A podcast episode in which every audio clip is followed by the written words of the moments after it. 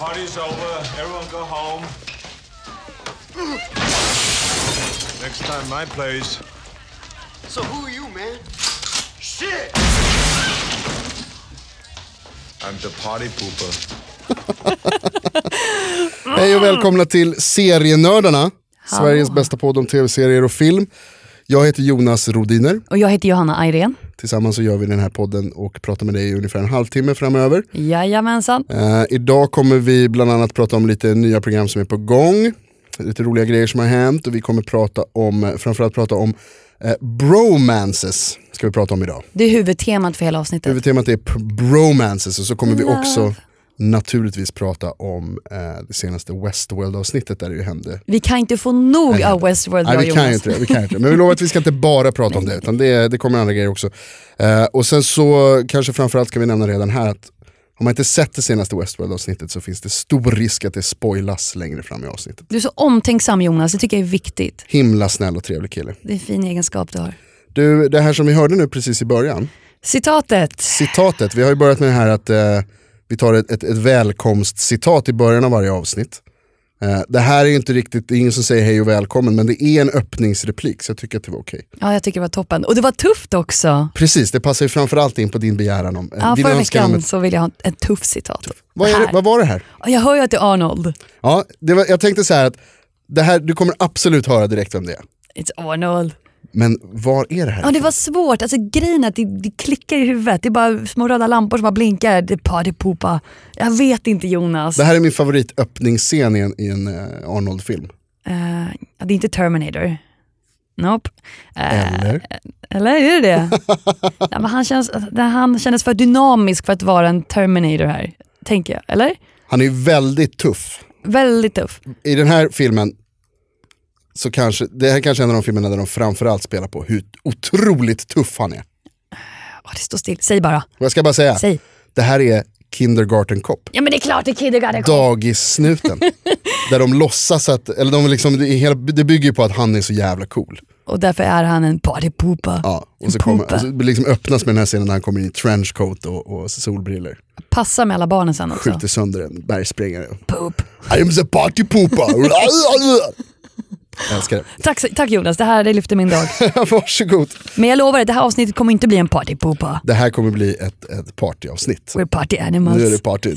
Tom the party. Party. Start the party. It's time for the party. Eh, och då tänker jag börja med att säga en grej som, som, jag- som jag tycker om att festa till. Som på fredagar som är kul och händer och som är roligt. Eh, på spåret. Du gillar På spåret och det På kommer spåret tillbaka börjar. nu va? Ja, nu är det på gång igen. Ikväll. Ikväll är det. Ja. Det är så himla kul. Förut, och det kommer bli så här framöver. Att man lyssnar på serienördarna på vägen till jobbet. Och sen så när man kommer hem så tittar man på På spåret. Nu vet jag ju vad Jonas kommer göra på fredagar. Det, Jag gillar att du tycker om På spåret men jag är lite mer av en vem vet mest-tjej. ja, okej. Jag tycker det är himla kul att sitta hemma och vara en besserwisser och sen när jag har fel så hör ingen mig. Nej, det är ingen som märker det. Det är fantastiskt. En grej som är rolig med Vem vet mest är att man, eh, man får ju svar på den frågan i den här podden. Ja, att jag vet mest. Ja. Nej, Eller, eller, jag- eller, eller, eller, eller, så- Ja, det är nog kanske- jag. Ja, jag tror inte jag. Vet du att han, eh, Rickard som håller i det där Vem vet mest, han skriver många av de där frågorna själv. Vilken snubbe. Ja, det är väldigt imponerande faktiskt. Jag är alltid fascinerad över folk som faktiskt skriver frågor till frågesport. Väldigt coolt. Ja. Jag hade typ bara skrivit, vem är den roligaste mannen? Bra fråga. Good one. Vem är världens mest kända partypooper? är det något annat på gång då som du vill nämna? Eh, I tidigare veckan i våra sociala medier. Mm. Eh, vi har ju eh, Facebook och sen Instagram där vi Yes. heter Serienordarna. Serienordarna. så uppmärksammade ju vi att Ed Harris fyllde år, mer känd som Man in the Black. Ja, han är med i Westworld. För mig så är Ed Harris, han kommer an- alltid vara eh, killen i, i The Rock. Vet du vad? Precis vad jag tänkte säga. Han är the Rockman och dessutom alltid militär av någon anledning i många andra filmer. Han känns som en militärisk snubbe. Han är ju så, så här, st- han är ståtlig och liksom, Auktoritär. ja man får respekt för, för Ed Harris tror jag väldigt snabbt. Hans vackra fjun liksom på huvudet och så bara, kan han ändå säga vad som är rätt och fel. Han är också väldigt bra skådis, han är väldigt bra, har du sett filmen Pollock? Ja, Om eh, eh, konstnären Jackson Pollock heter han va? det tror jag nog. Det är riktigt, jag tror också, jag har ingen aning. Vi sysslar inte med konst här. Nej, ingen jävla konst. Ehm, men det var riktigt, eh, där är han riktigt bra skådis. Ja. Nej, men han är grym. Jag, jag gillar honom också. Jag vet att det är min pappas favoritskådespelare Ah, okej. tillsammans med Robert Redford. Han Okej. tycker de är grymma. Mm. Och lite lika eller? Ja, det är nog samma amerikanska stenhårda drag liksom. Ja men lite såhär den där Americans. Clintan-kategorin av seniga gubbar. Eh, Är det något mer skoj som har hänt då? Nej det har väl inte varit sådär jättemycket. En grej som är rolig grej som jag skickade till dig som vi knappt har hunnit prata om är den här att det är någon galning som har klippt ihop alla sju Harry Potter-filmer, är det sju filmer? Till eh, en film, 78 minuter lång. Damn! En och 18. Alla Harry Potter-filmer. Alltså alla nyckelscener har han klippt ihop och så har det blivit en film. Jag ska villigt erkänna att jag har inte sett. Harry Potter-filmerna. Eh, jag har sett dem, har jag sett allihopa, ja, men jag har inte sett den här ihopklippningen så jag kan inte riktigt svara på vad som är med. Men det borde det vara. Om man ska sammanfatta alla filmer i 78 minuter måste det vara. kan jag göra så här. Jag lägger upp en länk på vår Facebook. Bra idé! Och så kan du som lyssnare få avgöra, är det här en bra... Är det värt att se? Är det värt att se? Gå- Återkom sen till oss. För vi kan ju allihopa vara överens om att eh, vad heter det, originalfilmerna är inte värda att se. Ja, men sluta, de är härliga. Ja. Det är så dåligt. Nej, det kan ju vara också, nu, jag, det är ju en svag tarm för mig Harry Potter, jag har ju vuxit upp med böckerna och läst dem och därför tycker jag filmerna är gälliga. Mm. Det var en, en midsom, nej, nyårsafton för inte så länge sedan som min kille blev supersjuk. Så vi ställde in den roliga Great Gatsby-festen vi skulle gå på. Jag var skitsur. Men vi spenderade åtta timmar av vårt liv och tittade på alla Harry Potter-filmer på Wow, rad. Okej, ja, det är bra gjort. En toalettpaus. Alltså binge-watching. Titta på grejer rakt sådär länge och det är så härligt. Ja, det alltså. är gött. Det är Riktigt fantastiskt. gött. När man kommer i det där läget, när man bara såhär, när, det- när det inte går att stänga av. Du, du Titta på den. Ta accepterar, ett- det, du, det är acceptansen att bara sitta ner och bara, okej, just bring it to me. Och man typ kollar inte knappt på mobilen, man bara liksom såhär mer, mer, och, mer. och bli en del av den världen. Och sen att när det tar slut blir man typ så upprörd att man bara vill gråta. För det är slut.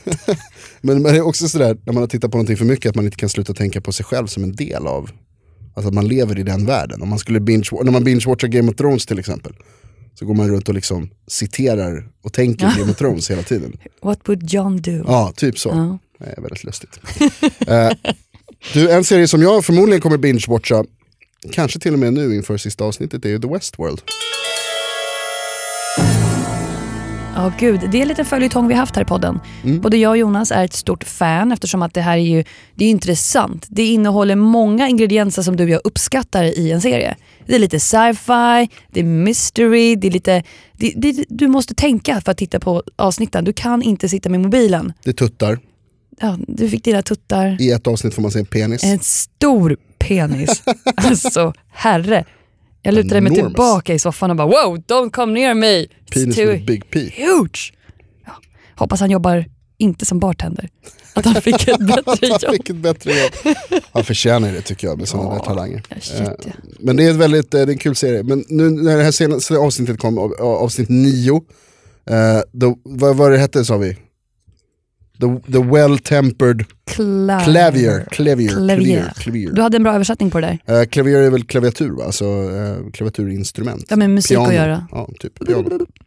Det, det väl, välstämda pianot. Ja, fint. Kan det vara så? Ja, vi säger så. Okej. Eh, och då kanske det passar in på eh, Arnold, Ja, vi måste ju prata a.k.a. om Bernard. Ja, det här, det här är ju en teori vi har pratat om. Att Bernard Harrod, Nej, Bernard Lowe. Bernard Lowe, en, en av de stora nyckelkaraktärerna i serien. Det har varit en teori kring honom att han är Arnold. Det har ju snackats om det förut och nu visar det sig det att det var sant. Det, det var sant. Ja. Eh, Okej Jonas, jag bara måste bara säga att det här var en ganska stor spoiler egentligen. Om man inte har sett avsnittet. Men du varnade för en Vi stund sedan. varnade ju tidigare, f- precis, men det, här- förlåt, det skulle vi kanske ha sagt här innan. Men, men okej, Got stor your back, spoiler. bro. Bernard, tack. Eh, men Bernard är Arnold, Arnold är Bernard. Vad tyckte du om det?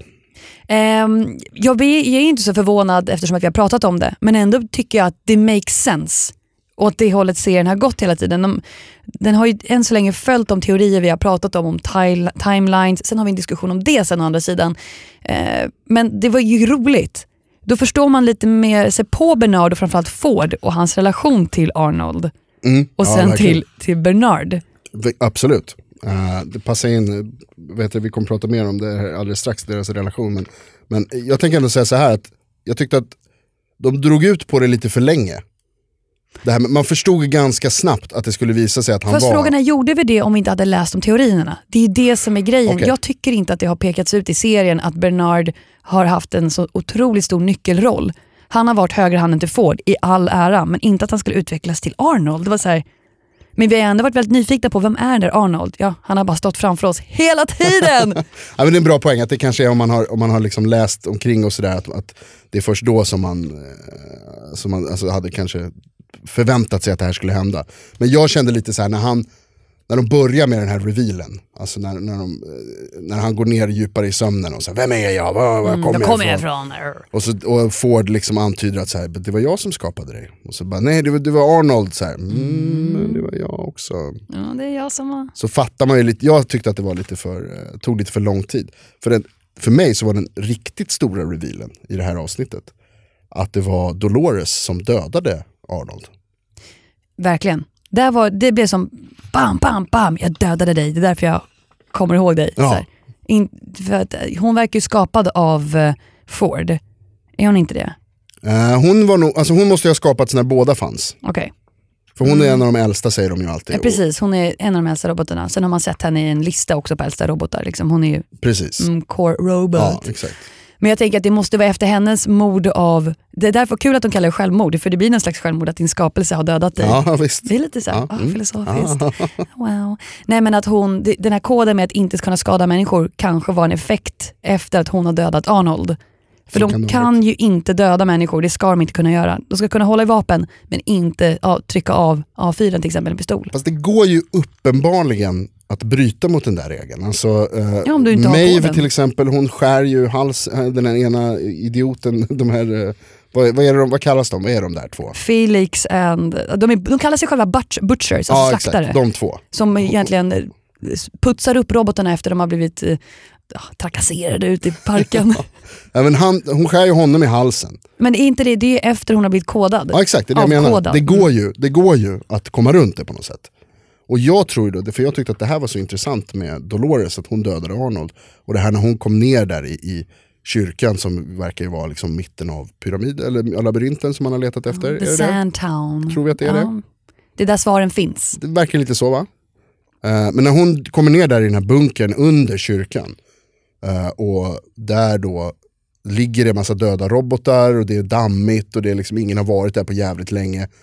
Och då får man intrycket, eller jag fick intrycket i alla fall av att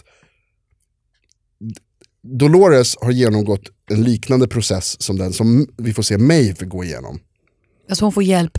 Hon vaknar På upp, vägen. ja, precis, hon vaknar upp på något sätt. Eh, har de här tankarna om vem är jag, vart kommer jag ifrån, varför gör de så här mot mig. Alltså skapa ett medvetande. Det är Precis. det. Och då söker hon sig till kärnan av det, till sin skapare Arnold. Eh, och sen har hon ihjäl honom på något sätt då, av någon anledning. Det har man inte riktigt förstått. Men att det är det som jag tror också att, det är lite det som Maeve kommer gå igenom nu. Mm. Vad tror du om det? Ja, verkligen. Nu när du poängterar ut det så ser jag ju det. De bägge två går igenom en ganska smärtsam process att ifrågasätta sin egen verklighet. Det, det är det som är lite kärnan i hos de båda två. Eh, grejen är att de, måste, de har ju raderat Dolores tankar och minnen och allting för att tydligen så är hon så pass värdefull eller att man kanske inte skrotar en bra robot. Lite som vi hörde att eh, Ford never forgets a pretty face. Hörde vi något avsnitt, han kanske tycker hon är hot liksom. Klart hon ska vara kvar. Radera henne, ge henne en ny personlighet. Men vad vi har lärt oss är att de glömmer ju inte riktigt. Och det är det som var också väldigt intressant när vi pratade om du och jag om tidslinjer, om timelines-konceptet. Mm. Att jag tror att det kanske är tre stycken timelines vi pratar om istället för två. Vi har pratat Mm, just det. om att hennes resa till att hitta ner till Arnolds kontor kan vi säga, att veta, träffa Arnold igen, hennes minne. Hon går igenom tre olika processer, en där hon är skadad, en där hon inte är skadad och en där hon har på sig sin Alice i Underlandet-klänning. Ja, just det. Och, och hon, sen i slutet av, av avsnittet så är hon inte skadad, vilket vi fick se henne i en timeline innan att hon var. Alltså det är jätteflummigt. Ja det är superflummigt, det är väldigt svårt att hålla reda på vad det är som händer. Men du tror alltså att det är en timeline när hon träffar William. Och Logan, det är en timeline. Det är en timeline de träffade Man in Black Ja. eh, och det är en timeline de träffar ehm, eh, Arnold där i sina tankar. Men det här är ju en grej då. Jag tror att det är Inception där. Det är ett minne i ett minne. Ja, ja, ja okej. Ja alltså så här då, att, att när hon, det här som vi nu fick se. Mm. Hon dör typ där ute i skogen av det här knivhugget. Precis. Och sen så, då, får hon, då, är, det någon det som är vis, så. då är det någon som viskar så här remember. Och, Och då, då- vaknar hon upp i ett minne. I en dröm, ja, i ett minne. Ja, då blir det ingen timeline utan det är mer ett minne i ett minne. Och, just i det, och i det minnet så kommer hon ihåg ännu en fragment Ja, av just, det som ja, det hände. där Inception-grejen, ja, som du- det är ju helt... Oj, oj, oj, oj vad flummigt det är. Bara, ni som inte ser det här, men eh, Jonas knådar sig för Ja, jag, måste- pannan. jag, tänker, jag måste verkligen gnugga här alltså. Gnuggar geniknölarna Gnugga pannan. bara. "Äh, För att det är försöka förstå. Men jag flummigt. tycker att det där är en väldigt det är en intressant tanke som du har där. Att det vi fick se var kanske inte nödvändigtvis det som faktiskt händer. Utan att det där, Händer i henne. det kanske utspelar sig helt och hållet i Dolores. Där. Att hon dog där av knivhugget i skogen. Och sen så tänker hon sig tillbaka till sitt minne. Och sen så har hon liksom något slags minne i minnet där. Att, ja, så skulle det kunna vara förstås. För att det pratar, vi har pratat mycket om det här att, att eh, William är the man in black. Eh, och jag tänkte ju direkt då att, när, för sista scenen är att hon stapplar ut där i kyrkan. Och, eller i kyrkan, upp i kyrkan igen. Och, och stöter på the man in black. Som ju är någon slags hennes antagonist. Att han, han finns i hennes Han har dykt upp flera gånger. Och, Ja, och han, hon tänker ofta på honom och han liksom representerar liksom, och, och jag tror ju att det har med att göra för att hon har känt honom i 30 år utan Ja, att visst. veta om det. ja, Att William har återkommit i parken om och om igen. För han, som vi fick se i avsnittet så tror ju han att han har nått fram till henne. Jag tror inte det. Jag tror bara att det här är i hans huvud, att han har nått fram till henne. Visst, det tror Hon jag. lever bara i en loop och sitt, plötsligt hittar minnen. Det är det. Hon har ingen connection med honom. Han har mer med henne. jag tror att du har helt rätt där, absolut så. Men det, det jag menar är att så här, alltså om hon om hon då kan träffa the man in black, menar, alltså, är, det- alltså, hur kan William vara the man in black när hon lämnar William och så träffar hon man in black bara några sekunder se- eller en stund senare. Det är ju inte 30 år som passerar här. Nej, men jag tror att det är ett timeline sen som går ihop. Nej, Jag tror att eh, det där var beviset för att vad heter det, Man in Black är inte William. William och The Man in Black, de figurerar i samma timeline. Sen Det kan här det blir finnas, intressant, alltså. Vi sen kan det ska se. finnas olika. Nej, Jag tror att definitivt att de är samma. Williams resa från att gå till den här lite timida killen till att slakta ett helt kompani. Ja det var ju intressant. Ja, han, Absolut. får, pre- han säger precis som The Man in Black att han kan leva ut sitt rätta jag i parken. Och han går ut till fullo! Och de har samma kläder by the way. ja det, det har vi pratat om förut ja, och kniven där är likadan Mm. Kniven, de, också. ja, de, han hittade ju kniven där igår. Eller igår säger jag i Ja, just det. avsnittet. För mig hände det här igår. Du lever det kvar här verkligen. Eh, ja, nej, jag tror, jag, för mig så kändes det som att det där satte punkt för, den, för den, det frågetecknet.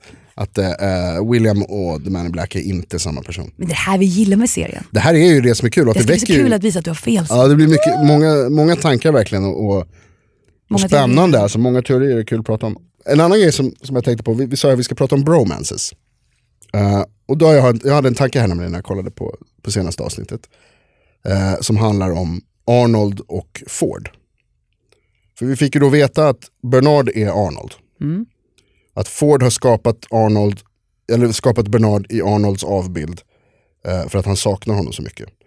Och då tänker jag så här, att he- hela den här serien, det det är egentligen är ju någon slags eh, eh, studie i psykopati. Eh, eh, alltså att, att den berättar, den, den, den handlar om hur jävla galen får det. Han, han utmålas i början av säsongen som en ganska god och snäll, liten, liten liksom tokig farbror. Så Med att bra han är, idéer, liksom, bra stories. Ja, precis. Och att, och, men att han liksom han vandrar omkring där i det liksom bakgrunden av det här stora eh, eh, Imperiet. det- ja, liksom, ja, precis. Och det här eh, enorma företaget som, som är korporativet liksom, som är runt omkring eh, Westworld som det har blivit. Medan han är liksom den här snälla gamla farbrorn som uppfann alltihopa och som är med och som styr mycket. Liksom, men men äh, du vet. Eh, och snäll framförallt och tycker om robotarna. Och smart. Eh, men nu är han ju liksom, han är ju total jävla galning. Han är ju the puppet master. Ja exakt, På alla sätt och vis. ond på något sätt också. Det här som man gör med Bernard, som visst det är en robot, det ska man inte glömma. Men Ja, men han leker gud Jonas. ja, Och det roliga är att han behöver inte leka, han vet i detta nu att han är Gud. Ja. Bara att lämna rummet med banan efter sig och säga att när jag går kommer du skjuta dig själv i huvudet. som en psykopat. Som en psykopat och han låter det ske. Och det här är min poäng då. Att den här psy- psykosen, den här psykopatiska personen Ford, den skapades i eh, Arnolds död. Därför att Det var the trigger. Arnold och Ford hade en enorm bromance. De var så nära som man kan komma varandra. De har skapat någonting tillsammans, de hängde mycket. Visst, de har fött den här parken tillsammans som är deras barn. De umgås konstant, de har hetsiga diskussioner, men de är alltid ihop. Alltihop. Ford älskar Arnold och Arnold älskar Ford. Men de kan inte komma överens. Sen dör Arnold. Han dör i barnasäng kan man säga. när de har fött den här parken så Ja. är det ett av deras barn som dödar honom. Och Ford kan inte hantera det. Så han börjar där sakta men säkert bli det psykot han Ja. är nu. Då, då föds den här tanken i honom att jag, ska, jag, ska, eh, jag kan inte tillåta döden. Jag ska bli så mäktig så att jag kan Övervinna döden. övervinna döden. Vad djupt det blev, det låter som att du sitter i kyrkan här nu Jonas. Så du menar, bro, de hade en episk bromance tillsammans. Men Ja. Mm. vad, förra veckan pratade vi om sidekicks. Vad skulle du vilja säga är den största skillnaden mellan bromance och sidekick? Det är väldigt intressant att du ställer just den frågan. För att de, eh, Arnold, och, Arnold och Ford går att beskriva i båda. När Arnold lever så är Ford och Arnold, då har de en bromance.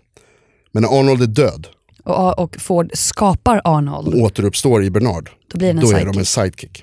Därför att då har Ford, han kan ju naturligtvis inte skapa en människa, det går inte. Men det är den här klassiska hierarkiska ordningen han har skapat. Exakt, och det är det som är skillnaden mellan sidekickar, är det inte så? Jo.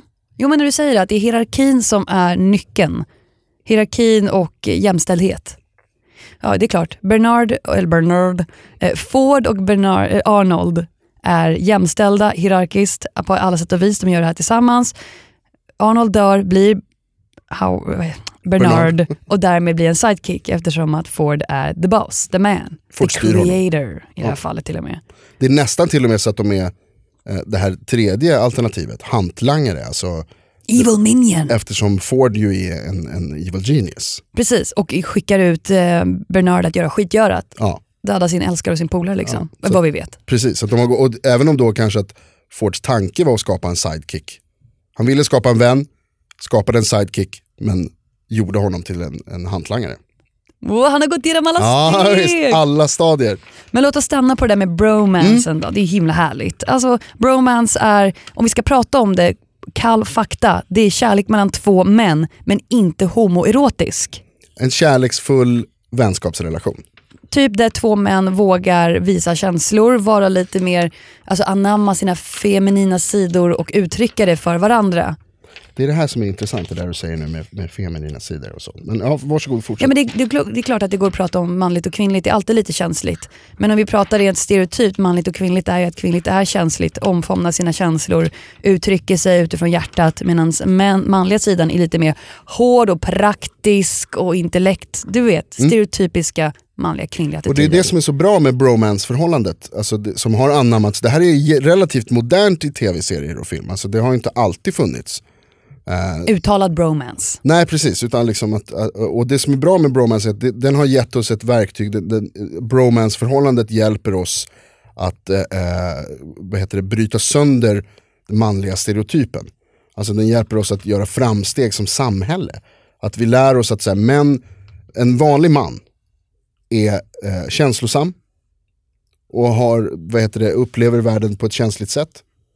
Men, och kan prata om de känslorna med sin bästa kompis, med andra män. Ja, exakt, kanske inte alla män, men många män. Nej men med många män. Ja, men, Och- och- och- och men om vi naturligtvis- säger människor då, vi ska ju kunna göra det. tänker ja jag. exakt, precis så. Att det är liksom att det, är så här, det här då som, som en gång i tiden kanske ansågs vara eh, kvinnliga drag. Det är inte kvinnliga drag, det är mänskliga drag. Mm. Och de finns lika mycket hos män. Att vi är eh, känsliga och kan prata om känslor med varandra. Och det är viktigt. Och där kommer bromance in, ett ord att uttrycka det. Precis. Mer eller mindre. Fast egentligen borde det bara heta känslor. Kanske. Ja. ja, kanske så. Eh, men det, det är ju liksom en, en grej som är väldigt positiv med, med, med bromansen. Sen finns det ju kvinnliga bromances också. Du hade ett ord för det. Ja, womance. Låter som man inte kan säga R. Womance. Bromance. som eh, ska vara ja, motsatsen. Men jag tycker inte riktigt att det alla gånger blir det. Okej, utveckla. Nej, men utveck- jag kan ju bara tala utifrån mina egna erfarenheter. Det här med systerskap och romance, om man ska, ska vi ta det i verkliga livet eller hur man porträtterar i film?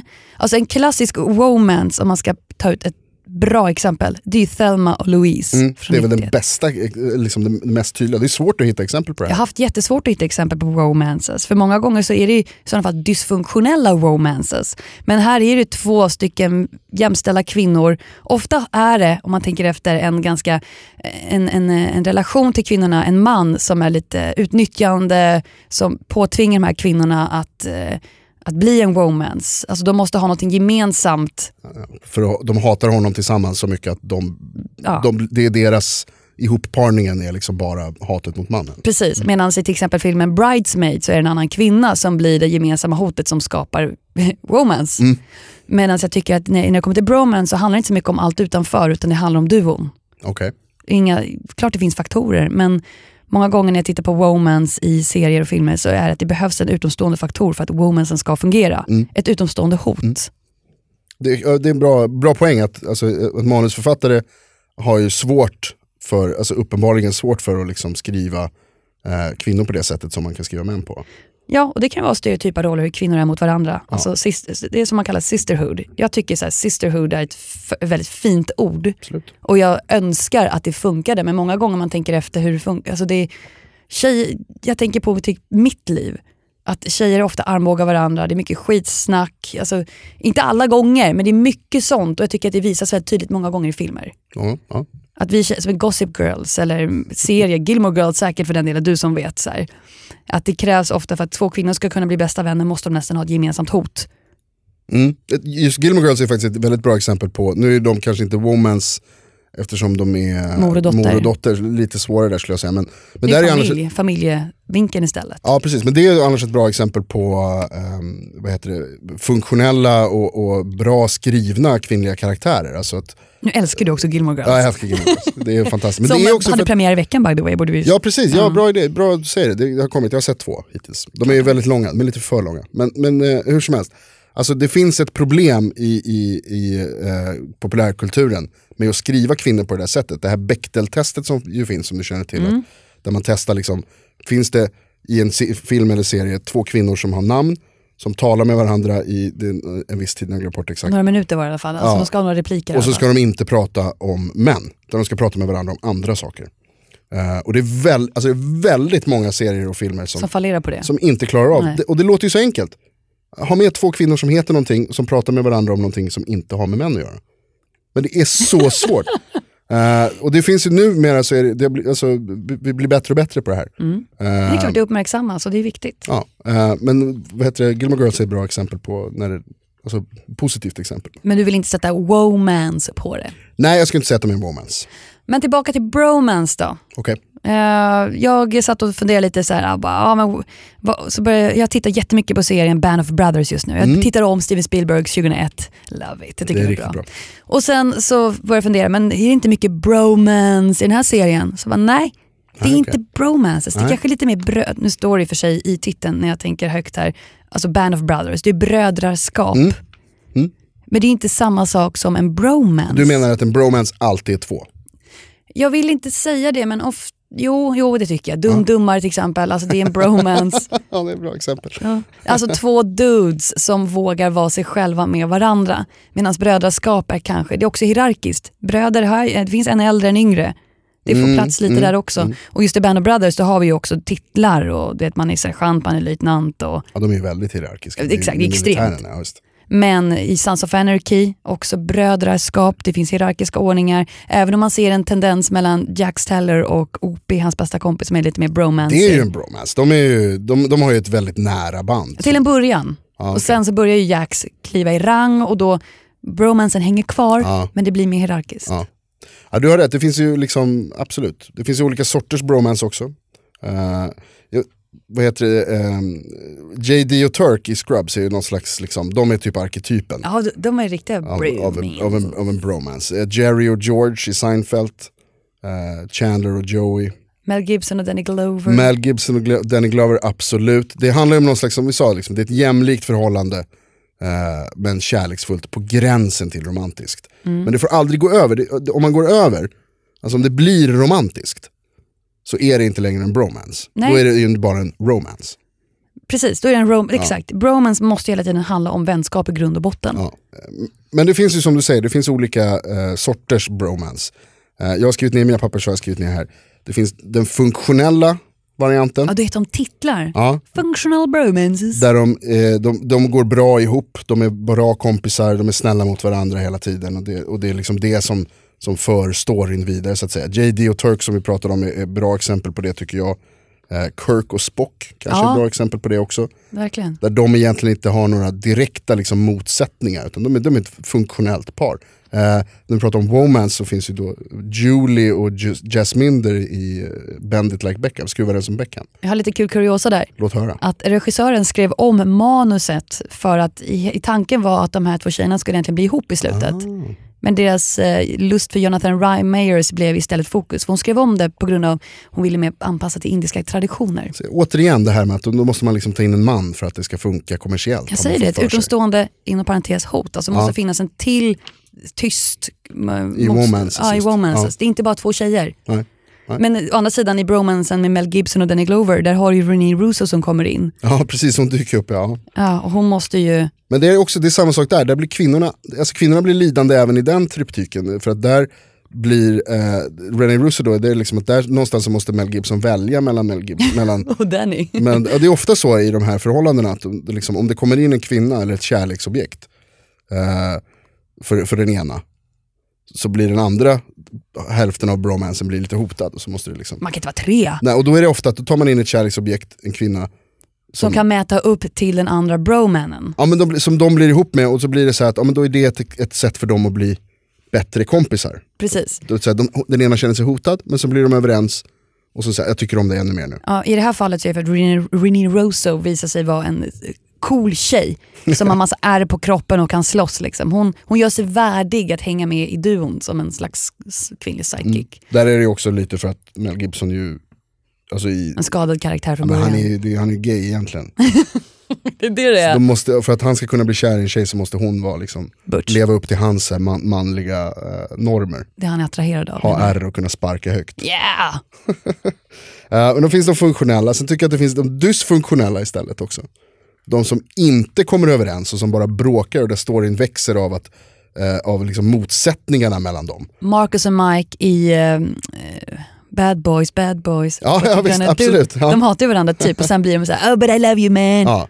Men det är precis, där är det liksom att de är, så, de är inte omaka par på något sätt. Så att de, de, de blir, eh, fast omaka par är en annan kategori, kommer till det strax.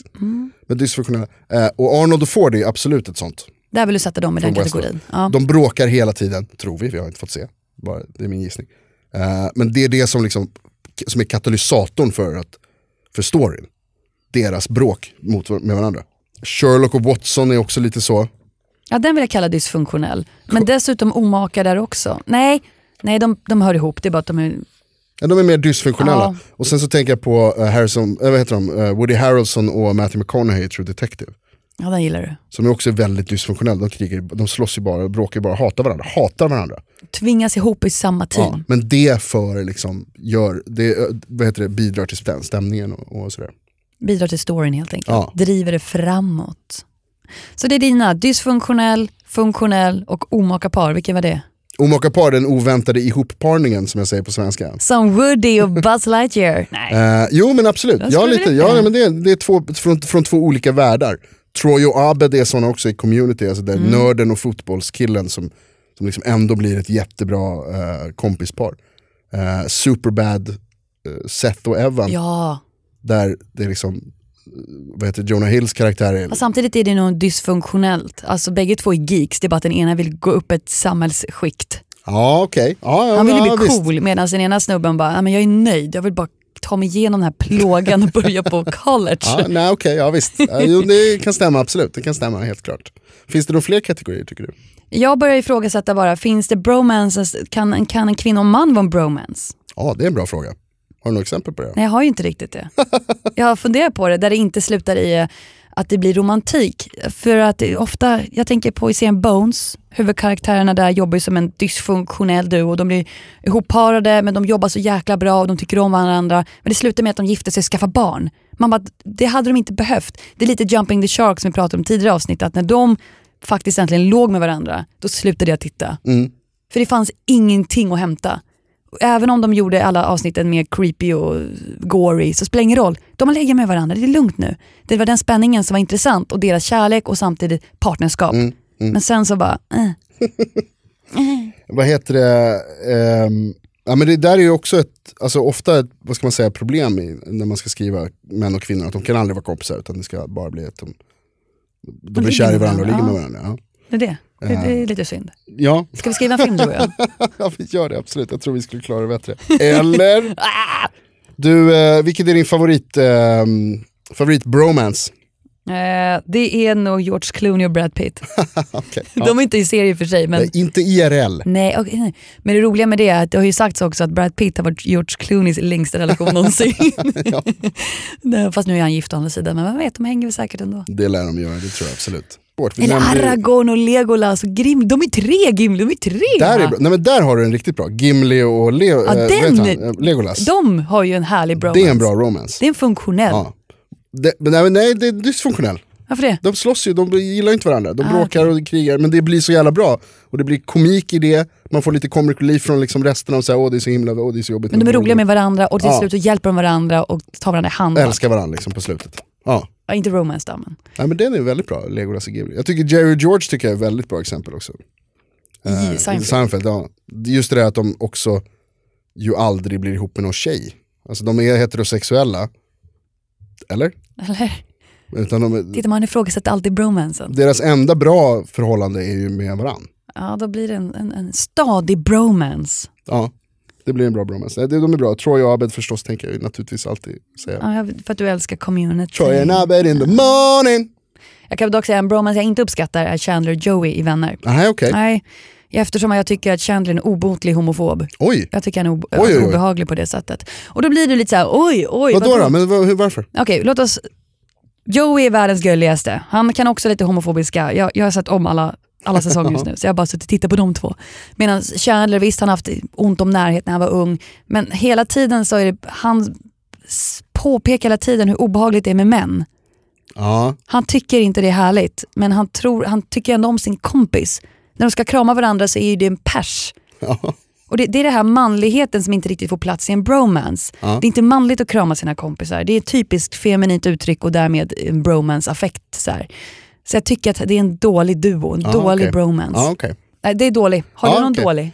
Eh, alltså jag... Ja, ja, nej, jag tycker det är svårt att hitta exempel på, på dåliga bromances. Alltså. Lika svårt som att hitta bra womances. Ja men nästan, det är nästan ännu svårare att hitta dåliga. Alltså, om man tänker i det, alltså dåliga bromances på det sättet att de förstör serien liksom. Eh, eller att de blir påtvingade. Jag tänker så här Howard och Raj i, i eh, Big, Bang, Big Bang Theory. Men det är bara för att Leonard har en k- snygg tjej och Sheldon kan man inte få en bromance med. Ja men alltså Sheldon och Leonard har ju en Ja, bromance. de har en slags bromance. En dysfunktionell Det bromance. skulle kunna vara också en, en vänskap. Ja de har i och för sig, men då är det liksom som att manusförfattarna har bestämt sig för att säga, men då måste även de här sidokaraktärerna, de måste kunna ha äventyr tillsammans också. Mm. Så Howard och Raj är också, Ihopparade. ja. Jag tycker många gånger Sen är att Raj, Leonard är, är... alltså det är så, ja. Att vi behöver inte gå in... Ja, men det är en precis- sån stereotyp, jag Det är blir en så arg på stereotyp, ja. Det, det kan vi ta någon annan gång. Ja. Det kan vi Jävla göra. skitprogram. Ja, då har vi pratat lite bromances Jonas. Jag känner att, eh, hallå kolla på klockan. Ja, det är, fan vad tid det tar att göra det här. Hallå, vi har supergoda nyheter by the way. Förutom att bromance och Westworld och allt det där. Vi finns ju på Radio Play. Yes. I Radio Play-appen hittar ni serienördarna, alla våra tidigare verk, allt vi har gjort innan. Och inte nog med det, det är ju andra advent nu på söndag. Mm. Och vi kommer ju vara med just nu i en eh, adventskalender. Yes! Serienördarna i adventska, adventskalendern på Radio Play där vi är en av fem poddar som kommer ha ett eget avsnitt som peppar inför julen. Kul! Hur kul är inte det här? Superkul! Och det är ett nytt snö- eh, avsnitt varje söndag. Vi är inte den här söndagen dock. Nej okej, Nej, vi är eh, den tredje advent. okej. Kom ihåg det. Det är den bästa advent. Ja. Helt klart. Och där kan du höra oss såklart, det blir himla härligt. Och inte Mm. nog med det, du som lyssnar tycker jag också kan gå in och prenumerera på oss så att du får en liten notis varje gång vi släpper nytt avsnitt. Okej. I och för sig så är ju det också varje fredag, det, det är sen gammalt. Ja, visst. ja, ganska nytt ändå. Men. Så jag tycker att man ska eh, vad heter det, gå in på vår Facebook-sida och trycka på gilla där. Eh, Facebook.com snedstreck serienordarna. Eller gå in på Instagram, det heter serienordarna. Följ oss gärna där också. Skriv till oss med tips om grejer som vi borde ta upp eller eh, eh, titta på. Eller om du absolut inte håller med oss om vår syn på bromance, womans, brödraskap och allt det där. Då, vi, du kanske tycker vi är dumma i huvudet, vi kanske har helt fel eller vill bara bidra med din kunskap. Då skriver du direkt till johanna.irén Nej, nej! spray.se. Ja, där kom det fram. Okej.